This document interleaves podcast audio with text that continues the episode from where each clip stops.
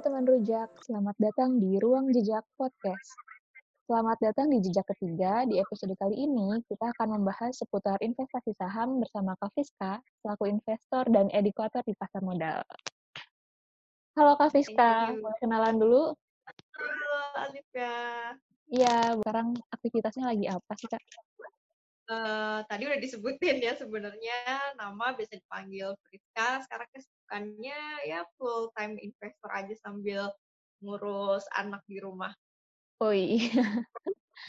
Kalau boleh tahu background kakak apa sih?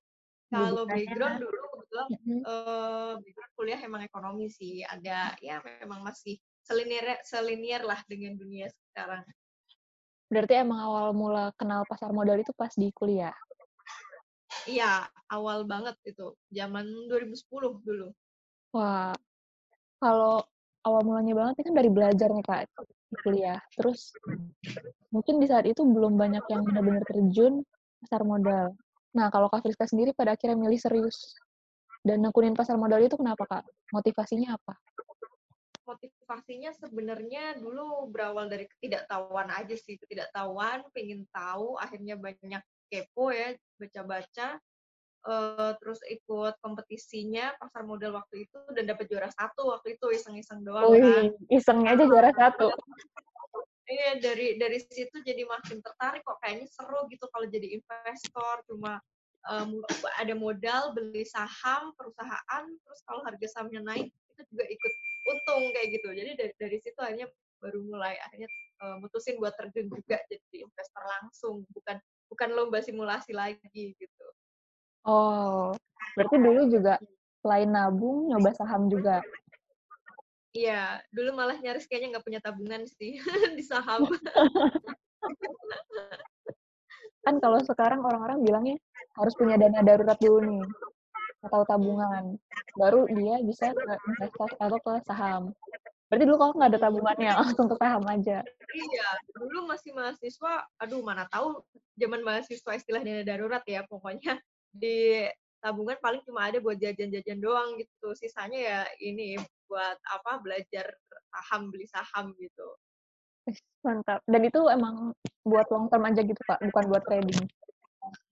Uh, ada buat trading, sekarang juga ada buat long term. Kalau dulu sih waktu awal-awal sih full trading ya, maksudnya jarang jarang nyimpen saham terus buat long term sih jarang lebih ke trading karena kan sama aja ya sama-sama investasi cuma beda apa beda jangka waktu aja sebenarnya lebih pendek aja jangka waktunya.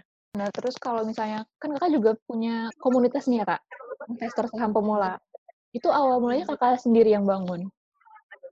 Uh, dulu bertiga sebenarnya sama kawan-kawan satu fakultas dulu kebetulan dan kami bertiga itu dulu sama-sama ikut yang namanya ada ekstrakurikuler namanya kelompok studi pasar modal KSPM. Jadi dulu awalnya gabung itu terus bareng-bareng ngembangin komunitas ISP dulu awalnya dari online Facebook baru deh mulai tahun 2000 2016 baru mulai merambah ke kota-kota daerah-daerah gitu. Berarti itu merambah ke kota-kota setelah lulus ya? Iya, setelah lulus kuliah. Awal cuma iseng-iseng aja bikin online di Facebook. Karena kan dulu masih hits ya Facebook. Kalau sekarang yeah. kayaknya udah udah tertinggal kayaknya Facebook. Dan itu kan sekarang besar banget, Kak. Ada di berapa kota? Kalau sekarang ada di 65 kota di 23 provinsi. Dan Kak masih ikut jadi penasihatnya? Iya, masih jadi pembina lah istilahnya. Oke. Okay. Dulu tujuannya bikin ISP apa kak? Cita-citanya ISP ini? Tujuannya biar ini aja pasar modal makin gede aja, jumlah investor makin banyak. Karena makin banyak orang yang bisa terliterasi dengan baik, ya pasti harusnya bisa meningkatkan jumlah investor. Soalnya zaman dulu kan literasi masih rendah banget ya, masih jarang. Bahkan anak ekonomi aja yang dulu teman-temanku aja masih segelintir orang doang bisa dihitung jari yang tahu tentang dunia saham. Kalau panutan kakak di saham siapa kak? Panutannya jelas Warren Buffett. itu juga kenal sejak aku ya? Iya, tahu juga pas baru masuk kuliah doang. Tahu kalau harapan Kak Friska nih buat komunitas ISP ini ke depannya apa? Kan udah berkembang besar banget. Ya ke depannya masih harus terus berkembang ya semoga walaupun sekarang udah gede ya harusnya bisa lebih gede lagi gitu. Maksudnya kalau perlu setiap kota ada gitu someday. Bahkan kemarin udah kerja sama dengan PPI Dunia juga ya. Iya waktu dulu banget sih kayaknya tahun apa dua tahun yang lalu. Nah terus menurut Kak Friska nih milenial itu kan harus melek keuangan ya Kak? Kalau iya nih mulainya dari mana nih uh, melek keuangan mulai dari mana? Kayaknya mulai memahami dulu arti duit. maksudnya, maksudnya duit itu bisa ada risiko di dalamnya, risiko kemakan inflasi. Jadi kalau kita nggak pinter-pinter ngelola ya sayang aja duit kita kemakan inflasi apalagi kalau kebanyakan buat konsumtif doang gitu karena kan jangan jangan terlalu yolo lah kalau sekarang kan anak-anak apa ya mindsetnya yolo banget gitu ya yolonya ilangin gitu udah mulai harus mulai investasi udah mulai harus mulai finansial uh, masa masa hidup kita tuh nggak cuma hari ini tapi juga masa depan gitu jadi kayaknya jangan terlalu yolo banget buat milenial udah saatnya investasi itu jadi sebuah kebutuhan bukan lagi pilihan kalau kata Pak Niki Hogan. Wih, mantap. Iya, jadi kita udah nggak bisa milih investasi atau enggak, karena investasi itu udah kebutuhan, jadi ya hukumnya ya wajib gitu. Benar, benar. Biar nggak kemakan inflasi itu ya, Kak? Iya, bener banget. Kalau titik baliknya Kak Friska nih, atau momen paling penting di milestone terkait pasar modal dan investasi, apa sih, Kak? Oh, titik baliknya sebenarnya sih cikal bakalnya ya pas uh, menang lomba itu ya, itu cikal bakal uh, akhirnya bisa sampai seperti sekarang gitu dan bisa sampai menekuni. Kemudian karena juga gabung KSPM itu tadi kelompok studi pasar modal jadi makin berasa ilmu. Gue kok cetek banget sih gitu dibanding teman-teman yang lain tuh udah pada wow banyak senior senior yang udah lebih wow gitu. Masa gue mau kayak gini-gini aja kayak gitu. Kayaknya harus makin mendalami banget nih dunia investasi belajar lebih giat lagi gitu. Jadi makin melihat mereka-mereka uh, yang udah jauh lebih lama dibanding kita itu semakin kerasa kita belum ada apa-apanya banget gitu. Jadi itu itu yang terus jadi motivasi motivasiku buat terus belajar, buat terus mendalami uh, industri yang kata orang ini rumit segala macam, tapi sebenarnya nggak rumit gitu, mudah kalau kita mau pelajarin. Bener sih kak, emang terlihat rumit kalau dalam saham ini. Ya, kelihatannya aja makanya kan jangan langsung ngejudge dari covernya aja kelihatannya rumit gitu. Kalau belum buka dalam-dalamnya, isi-isinya sebenarnya sederhana-sederhana. Gitu. Apalagi di highlight ngerti saham ya kak. Ui. nah kalau ngerti saham itu juga punyanya kak Priska. Uh, iya sama suami juga, ada sama satu teman juga. itu barengan nggak mulainya sama yang ISP ini? Enggak, duluan ISP. Oh, Nah, terus kalau Kak Friska kan udah nyoba nabung saham di dalam negeri dan luar negeri nih. Hmm. Dan sempat booming juga. Iya. Banyak banget yang nanya gimana caranya keluar. Tapi katanya kita ramaikan dulu yang di dalam negeri. Iya, makanya jarang jarang apa ya? Jarang mau jawabin sih pertanyaan-pertanyaan yang uh, cara-cara investasi di luar negeri. Karena kan pengennya dalam negeri biar mereka ngerasain dulu gitu. Gue aja baru eh maksudnya udah 10 tahun baru nyobain luar gitu. Ibaratnya lu baru paling sebulan dua bulan di dalam negeri sok-sokan tanya investasi keluar gitu kayaknya uh, kurang wise gitu. Jadi sebaiknya memang cobain dulu bursa efek dalam negeri kita itu jauh lebih hijau dibandingkan uh, bursa di luar negeri itu itu perbandingan yang paling signifikan ya yang yang aku rasain setelah terjun di luar dibandingin di dalam itu enak di dalam ke mana-mana sih pokoknya. Wah, pokoknya ramaikan dalam negeri dulu ya kak, sampai paham betul. Iya, yuk nabung, yuk nabung saham Indonesia dulu lah. Kalau cerita menarik selama nabung saham nih kak, ada nggak kak? Cerita menariknya adalah hampir semua beli perabotan isi rumah itu hasil dari cuan. oh iya? ya, termasuk beli perlengkapan baby dia mainan segala macem itu kayaknya hampir semuanya ya nggak 100% tapi hampir semua itu selalu ada return saham yang dipakai buat beli-beli. Jadi sebenarnya modal kita utuh. Sebenarnya kita beli ini kayak di belakangku sofa kayak gini itu dapat dari cuan juga gitu. Jadi banyak hal-hal kecil di sekitarku yang sebenarnya nggak perlu modal keluarin duit lagi, hanya bermodal di awal beli perusahaan, dapat return, ya buat beli kebutuhan kita aja. Itu itu yang paling berkesan selama aku jadi investor sih. Wah, keren. Mantap juga nih, Kak.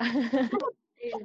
Ya, tinggal nanti mungkin teman-teman tambahin target, oh aku pengen bisa keliling dunia atau mungkin keliling ke mana gitu pakai hasil dari cuan. Nah, itu bisa memotivasi juga tuh.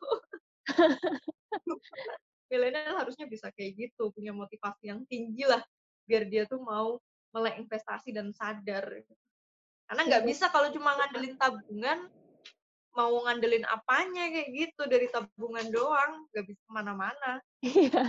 Nah, lebih baik nih, Kak, kalau mau terjun ke pasar modal atau saham, niatnya nekat aja atau ya minimal baca-baca dulu lah? Iya, dua-duanya sih. Aku juga dulu yang modal nekat juga, tapi ya nekatnya yang terarah dan terukur gitu. Maksudnya ya kita sambil belajar, sambil take action, nggak tahu ya nanya yang sekiranya orang yang lebih tahu. Jadi nggak nggak asal nekat tapi nggak punya ini ya, apa sih namanya, nggak punya bekal ilmu sama sekali gitu. Yang terarah lah nekatnya. Nekat yang keren itu nekat yang udah terarah dan bisa terukur nantinya. Dan tahu resikonya juga ya? Iya, kita harus mengukur resikonya juga kan pastinya. Kalau misalnya cara memulai yang tepat itu, Kak, nunggu momennya kah? Atau apa nih buat mulai? Eee, buat mulai jadi investor tuh nggak usah kebanyakan mikir nungguin momen sih. Kapan aja anytime join ya tinggal join gitu. Buka rekening saham ya tinggal buka aja, nggak usah nungguin ada krisis dulu baru buka rekening saham, aku rasa sih telat ya. Jadi anytime kita bisa sewaktu-waktu buka rekening saham, nggak nggak ada patokan harus nunggu momen ini, momen itu, atau yang lainnya. Oke, kalau saham sama emas nih, Kak, lebih baik yang mana? Secara return ya saham, secara return. Emas itu sebenarnya hanya sebagai safe haven, ngelindungin nilai doang, tapi nggak ningkatin nilai. Ya kecuali kado kalau pada krisis kayak gini ya, kalau krisis kayak gini beda cerita. Mungkin emas, eee, jadi aset pelarian orang-orang karena merasa aman gitu. Tapi kalau nggak ada krisis ya sangat disayangkan sih kalau misal, eee, nilai uang kita nggak bertumbuh gitu.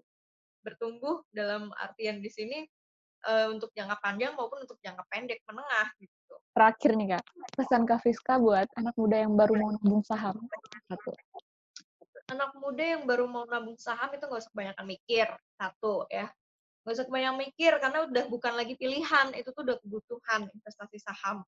Investasi saham buat milenial itu udah kayak jadi kayak jadi gaya hidup sekarang. Jadi, eee, menurutku kalau belum punya saham, itu kayaknya nggak ikut kekinian banget di zaman yang sekarang ya, di zaman saham udah mulai udah mulai kayak gini. Jadi nggak usah banyak mikir, terus mulai aja dulu, udah tuh, eee, walaupun ilmu masih cetek, nggak usah ngerasa minder atau segala macemnya. Udah mulai aja dulu, sambil mulai, sambil jalan, sambil belajar, sambil praktik, itu lebih enak daripada nggak mulai-mulai, nunggu-nunggu, aku yakin banget biasanya nggak bakal kelakon, nggak bakal terrealisasi ending-nya. Jadi intinya jangan banyak mikir, mulai aja dulu, mulai dari Rp100.000 kan sekarang udah bisa. Jadi ada halangan apa lagi sih Rp100.000 doang, ya elah itu juga udah kayak pulsa lu, eee, 1 bulan, masa buat buka rekening saham doang nggak bisa. Kalau beli saham pul eh, beli pulsa aja bisa gitu.